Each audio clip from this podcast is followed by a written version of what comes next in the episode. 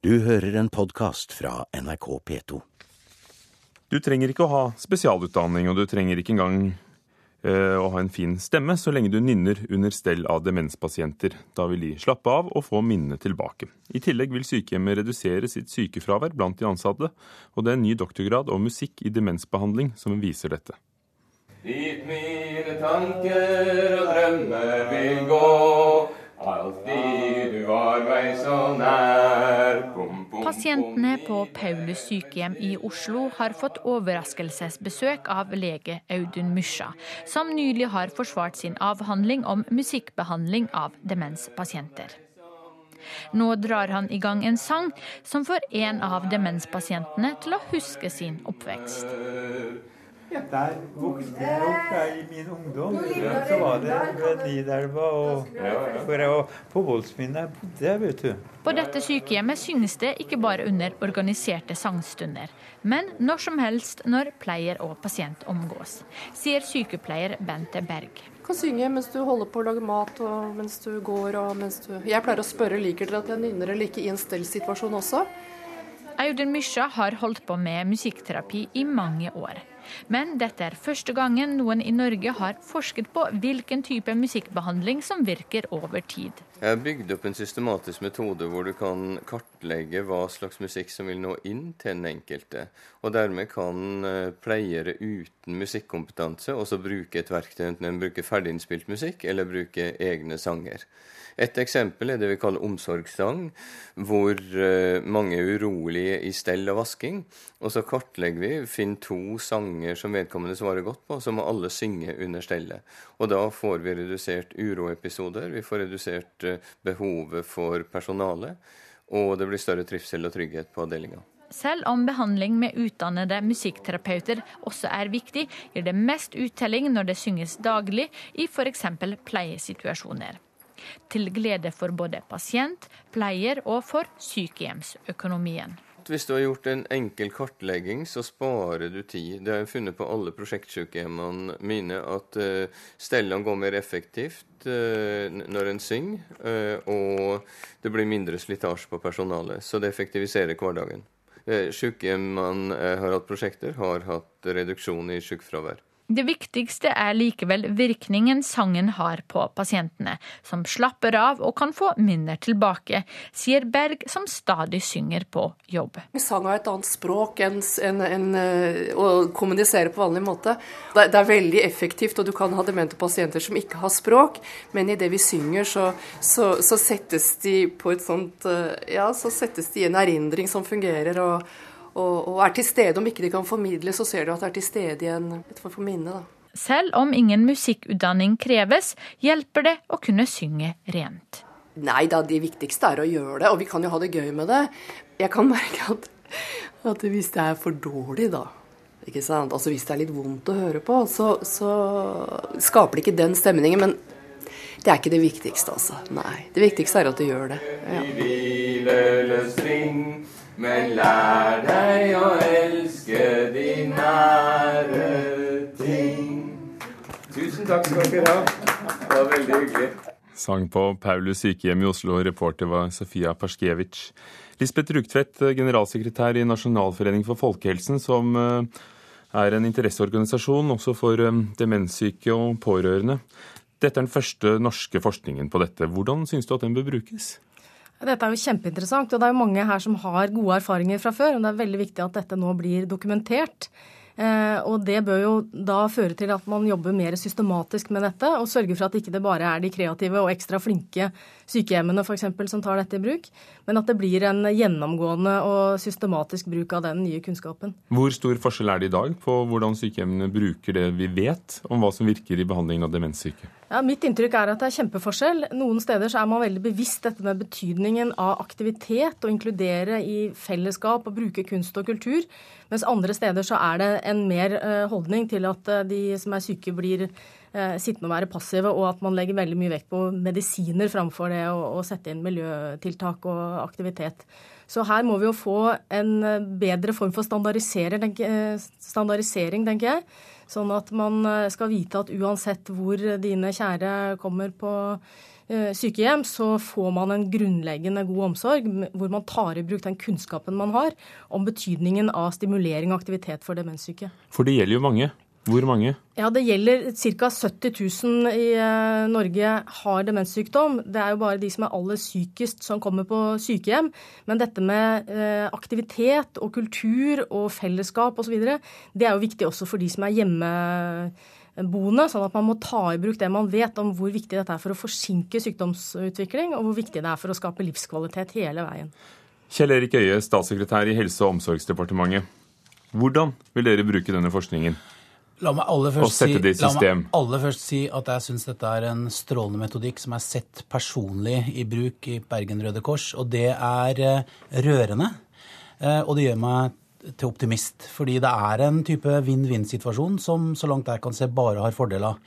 Og så tror jeg at, eh, at noe av utfordringa er nettopp det som Lisbeth Rugtvedt peker på, at dette ikke bare skal bli en happening, noe som skjer der det er noen ildsjeler som syns dette er viktig, men noe som skal tas i bruk. Og den utfordringen er først og fremst din? Den utfordringen er først og fremst min. Og da tenker jeg at da er utdanninga viktig. Da er, eh, da er eh, demensomsorgens ABC, et sånt utviklingsprogram vi har, som over 12 000 mennesker bruker, bruker nå, deltar på, kjempeviktig.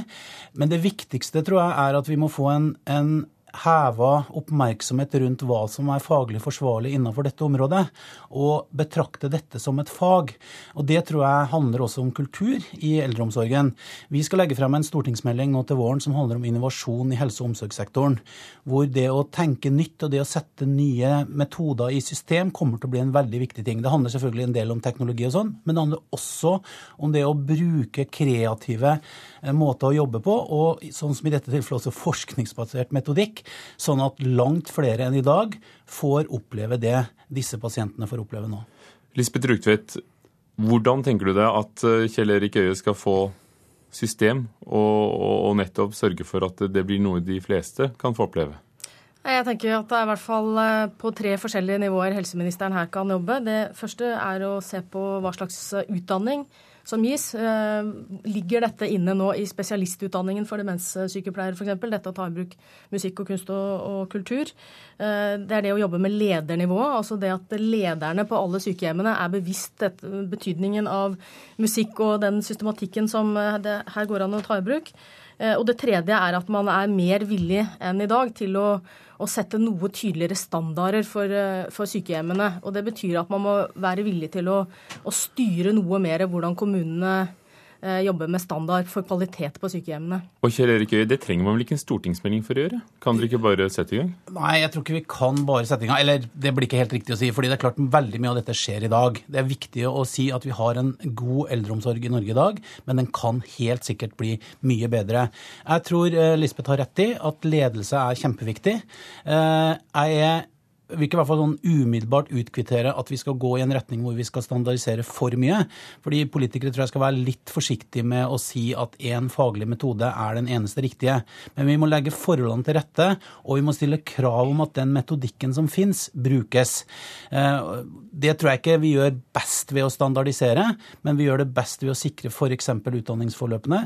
Både grunnutdanninga, for dette er jo også folk som skal jobbe med i grunnutdanningene sine, men også se på hvordan de er tilbudet tilbudet vi i dag gir om etter- og videreutdanning, ivaretar dette? Nei, Jeg følger veldig langt på vei dette at det er vanskelig å styre for detaljert. Men et eksempel på styring det er å si at alle sykehjem skal ha miljøterapi som en uh, viktig tilnærming til pasientene. Uh, og at de skal jobbe for å erstatte bruk av, av medisiner og beroligende f.eks. med aktivitet og, og, og, kunst og kultur og sånne ting. Og da sier man ikke akkurat hvordan det skal gjøre, men at det skal tas i bruk. Og, og det er ikke noe selvfølge i dag. Mangler dere slike konkrete mål, konkrete setninger i dag? Ja, det kan godt tenkes. og Jeg tror det er en viktig diskusjon å ta i den meldinga. Eh, hvor langt vi skal gå i å si hva som på en måte er faglig forsvarlig. For det er ingen som er uenig i at tiltak som fører til reduksjon i medisiner, som fører til reduksjon i uro, og som ikke minst fører til den livsgleden vi hørte om i denne reportasjen, at det er av det gode. Men da må vi også få en forståelse blant helsepersonell om at dette er et faglig godt metodisk arbeid, som ikke bare er et, et kultur kulturting, men også noe som er viktig for faget. Takk skal dere ha. Lisbeth Rugtvedt eh, i Nasjonalforeningen for folkehelsen og Kjell Erik Øie, statssekretær i Helse- og omsorgsdepartementet.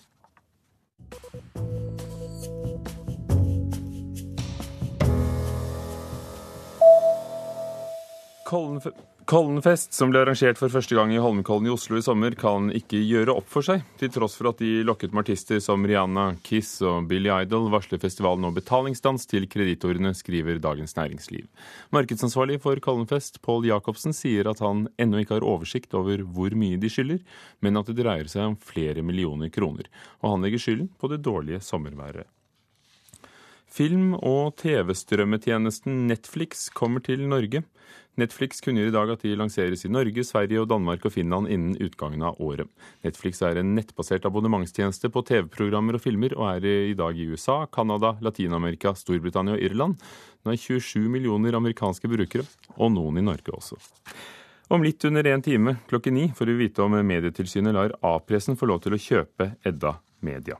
A-pressen er Norges nest største mediekonsern og eier bl.a. 50 lokal- og regionalaviser over hele landet. Selskapet kjøpte Edda Media i desember, men flere mente at oppkjøpet strider mot konkurranselovgivningen.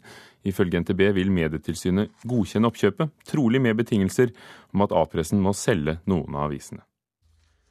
Sjøhelten Tordenskjold er hovedperson i flere filmprosjekter som nå kjemper om investorer og oppmerksomhet. Produsenten bak Max Manus og Trolljegeren tror ikke det er plass til mer enn ett på kinolerretet. Men det gjør forfatter og manusskribent Erlend Lo, for han skriver nemlig filmen eh, som skal plan er planlagt i Danmark, om Tordenskjold.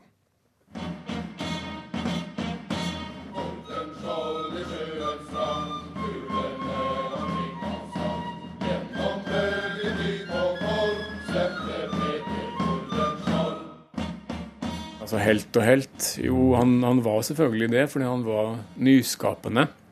Men han var nok også en, en raring og en eh, drukkenbolt og en eh, jentefut. Og eh, han hadde sine ting, altså. Så det, det er nok ikke så rent bilde allikevel. Det er trangt under skråtaket i kontorlokalene til filmselskapet Motlys i Oslo sentrum. Men eh, to meter med Erlend Lo får likevel plass nok i sofaen til å fortelle om manuset han har skrevet til en ny dansk-norsk film om 1700-tallshelten Tordenskjold. Rommet hvor man kan dikte videre, er mye større enn f.eks. For i forhold til Heierdal, eller hvem det nå skulle være, som har levd mye um, i, i, mer moderne tid, da, og hvor det, kildene finnes, og noen vil alltid ta en telefon og korrigere Heierdal snakka ikke sånn, eller sånn. Mens med Tordenskjold kan man ta seg frihet av. Det syns jeg er morsomt.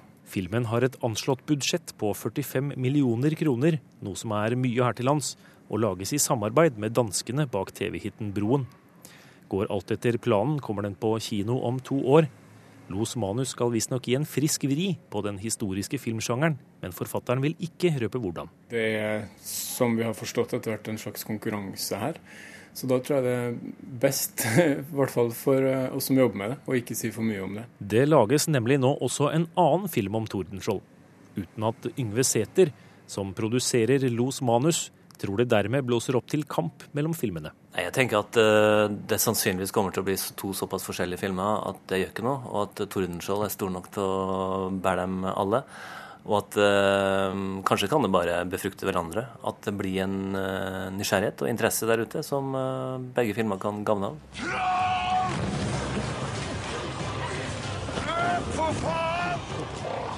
Det tror imidlertid ikke produsent Jon M. Jacobsen, som nå senest har slått bak suksessene Max Manus og Trolljegeren. Jeg tror jo ikke det kommer to. Jeg tror ikke at markedet er stort nok for, eh, for eh, to filmer med det samme temaet og særlig ikke to så store filmer. Jacobsen fikk i mai 16 millioner kroner i støtte av Norsk Filminstitutt til sin egen Tordenskjold-film.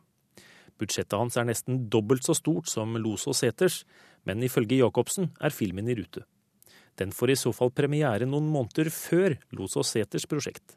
Så eh, jeg må bare si lykke til, og, eh, og, eh, så får de gjøre så godt de kan, og vi gjør så godt vi kan. Det blir jo opp til finansiører til filminstituttene i Danmark og Norge bl.a. Å avgjøre om det er plass til begge eller, eller, ikke. Så Sånn sett er det en brutal konkurranse. Og vi vet jo ikke om vi vinner eller, eller taper den. Også en tredje film om Tordenskjold har vært under utvikling ved regissør Tor Bekkavik, men dette prosjektet er nå lagt på is.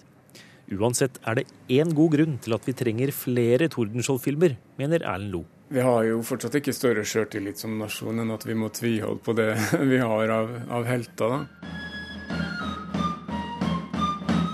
Og reporter var Gjermund Jappé. Øystein Rian, professor i historie ved Universitetet i Oslo. Hva har Tordenskjold betydd for norsk selvtillit? Mye. Særlig på 1700-tallet.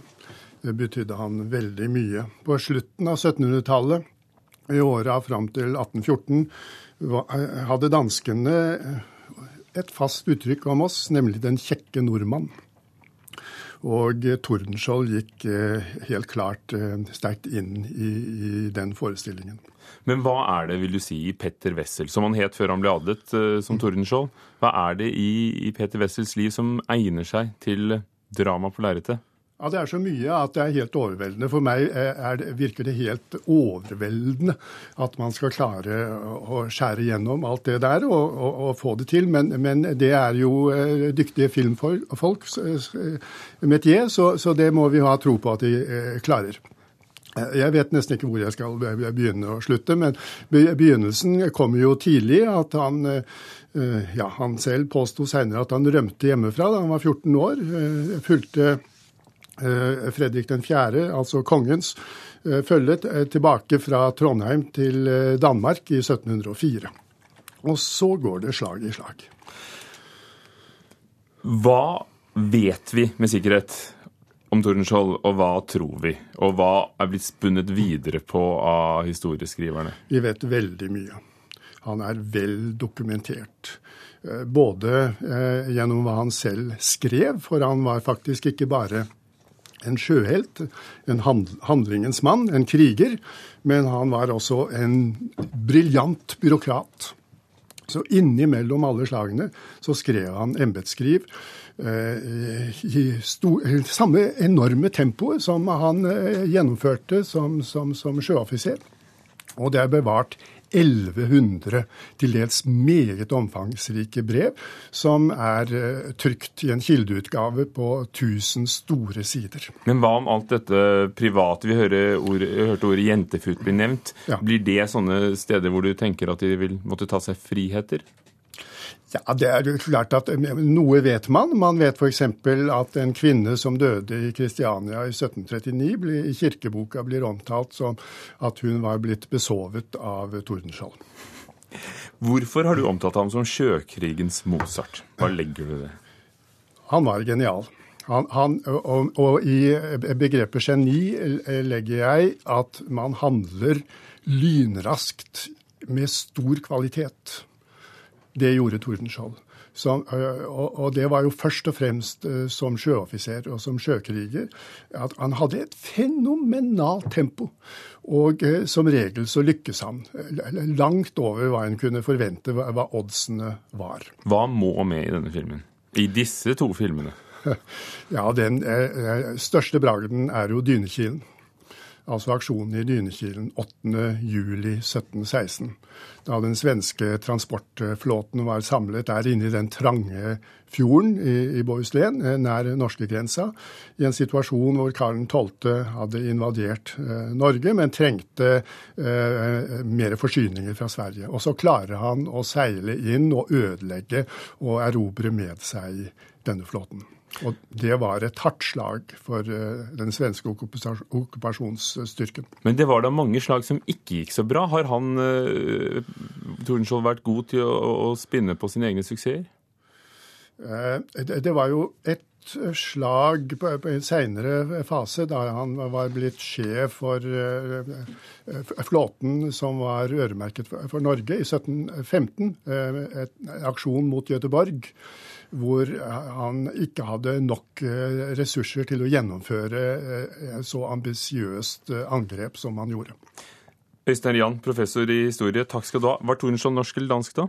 Han var, han var norsk, uten tvil.